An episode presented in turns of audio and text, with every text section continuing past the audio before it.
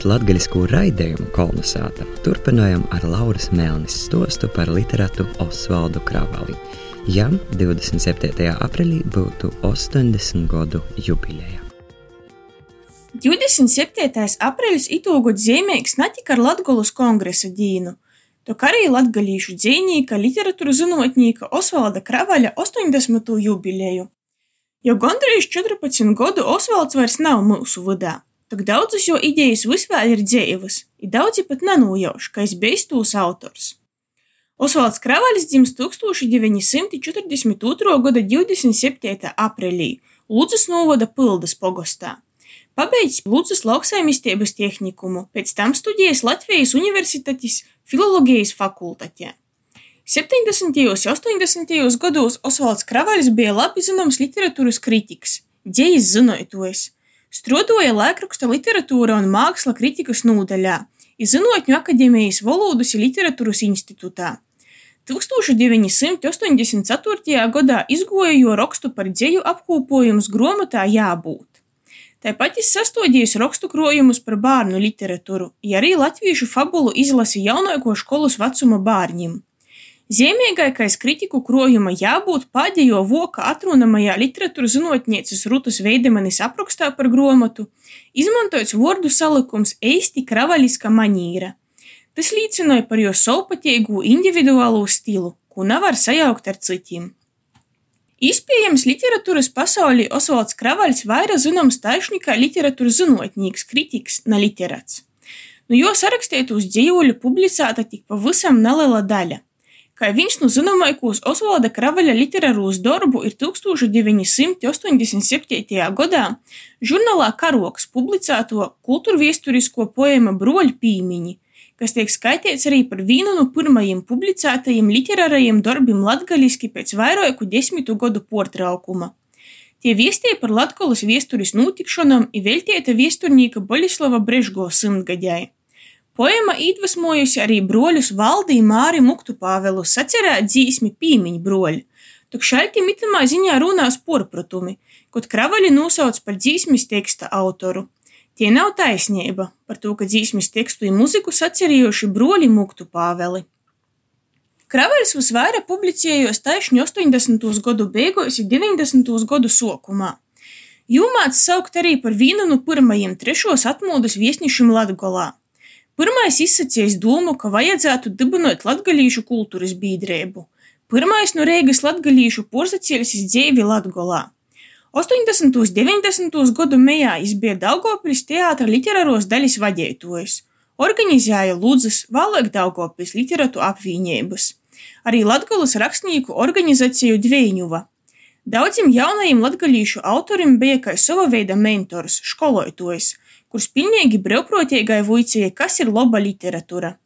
Jis iedvesmos taidus autorus kā Vili Dzierviņīku, Normundu Dimantu, Valentinu Lukaševiču, Oskaru Seikstu, Ingridu Tāraudu, saukts arī par mūsu dīnu latgalīšu literāros tradīcijas patriārhu. 1992. un 1993. gadā izgoja treju žurnāla Jauno dzīve, ko izdeva Dvieņuva numeri, i Kravaļs bija viens no to redaktoru. To mērķis bija latgaļiskos literāros tradīcijas saglabošana i attīstība. Pats Osvalds rakstīja kā latgaļiski, tā latviešu literārajā valodā, i arī krīviski. No 1982. gada līdz pat savai smiertei Kravaļs regulāri rakstījis dīnas gromatu, kurā, kā norāda Valentīns Lukaševičs, šis katru dienu dokumentēja latgaļīšu kultūras faktus un personālējus, analizēja procesus, Tāpat arī rakstīja dzīvuļus un metafiziskus pārdomus, tak lielāko daļu jo rakstīto ir sadagusi guņsgrēkā. Škārstiekla plašumos par kravaļu var atrast mazas, bet zīmīgas detaļas, ar nedaudz tādu kā leģendas pīskaņu. Par piemēru, ka dzīvniece Velga Krili par kaislīgu pēpātoju palikusi pēc to, ka kravaļs jau filologijas fakultātes gaitiņī pīdovos pirmo cigareti jos mūžā. Evalds Vasiljevskis savulaik stostījis, ka taišņi Kravaļs esot nosaukuma Pūģnīku skūla autors. Īsakūtai aizstot nosaukumu pleņers. Vasiljevskis par Kravaļu esot sacījis, ka jis ir kā leicis nīks, ni tu jo paredzēsi, ni apturēsi. Antons Slišāns rakstījis, ka daudzi Kravaļi skaita par jūcīgu, tādu kā vieja putinu, kurš lidoja i lidoja neskaitāmos dižūs ideju viejūs.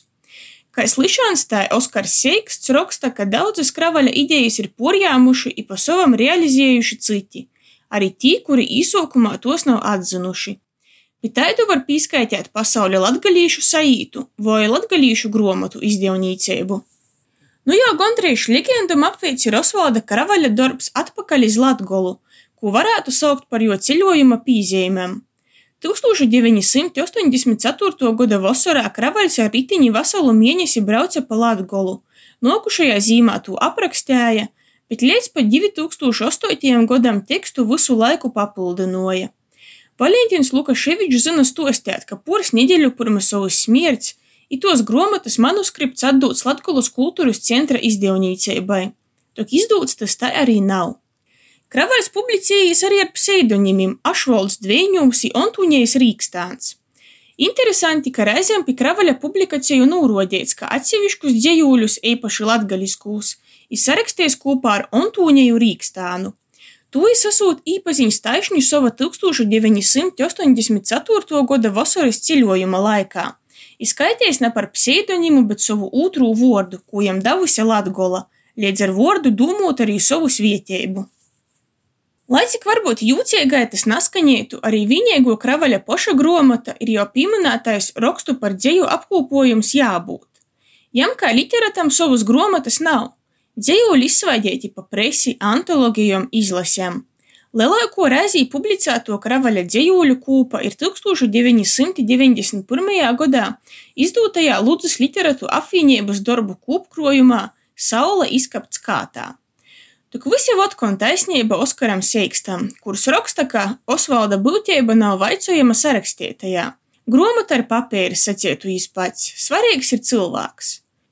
Kravaļs bija cilvēks, kurš ap sevi pulcējas ļauts, i vislabāk savus dzīvuļus esot prats noskaitēt pats. Osvalds Kravaļs mūžībā nogoja 2008. gada 30. jūnijā. Jau pēc to 2009. gadā apbalvots ar Latgalīšu kultūras goda balvu Boņuks par ieguldījumu Latgalīšu literatūras attīstībā.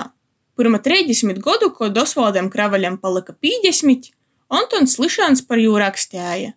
Latgulai vajag nevi apdūmīgu darētoju, bet arī korstasiņēgu ideālistu. Laura Melne speciāli kolonizētāji.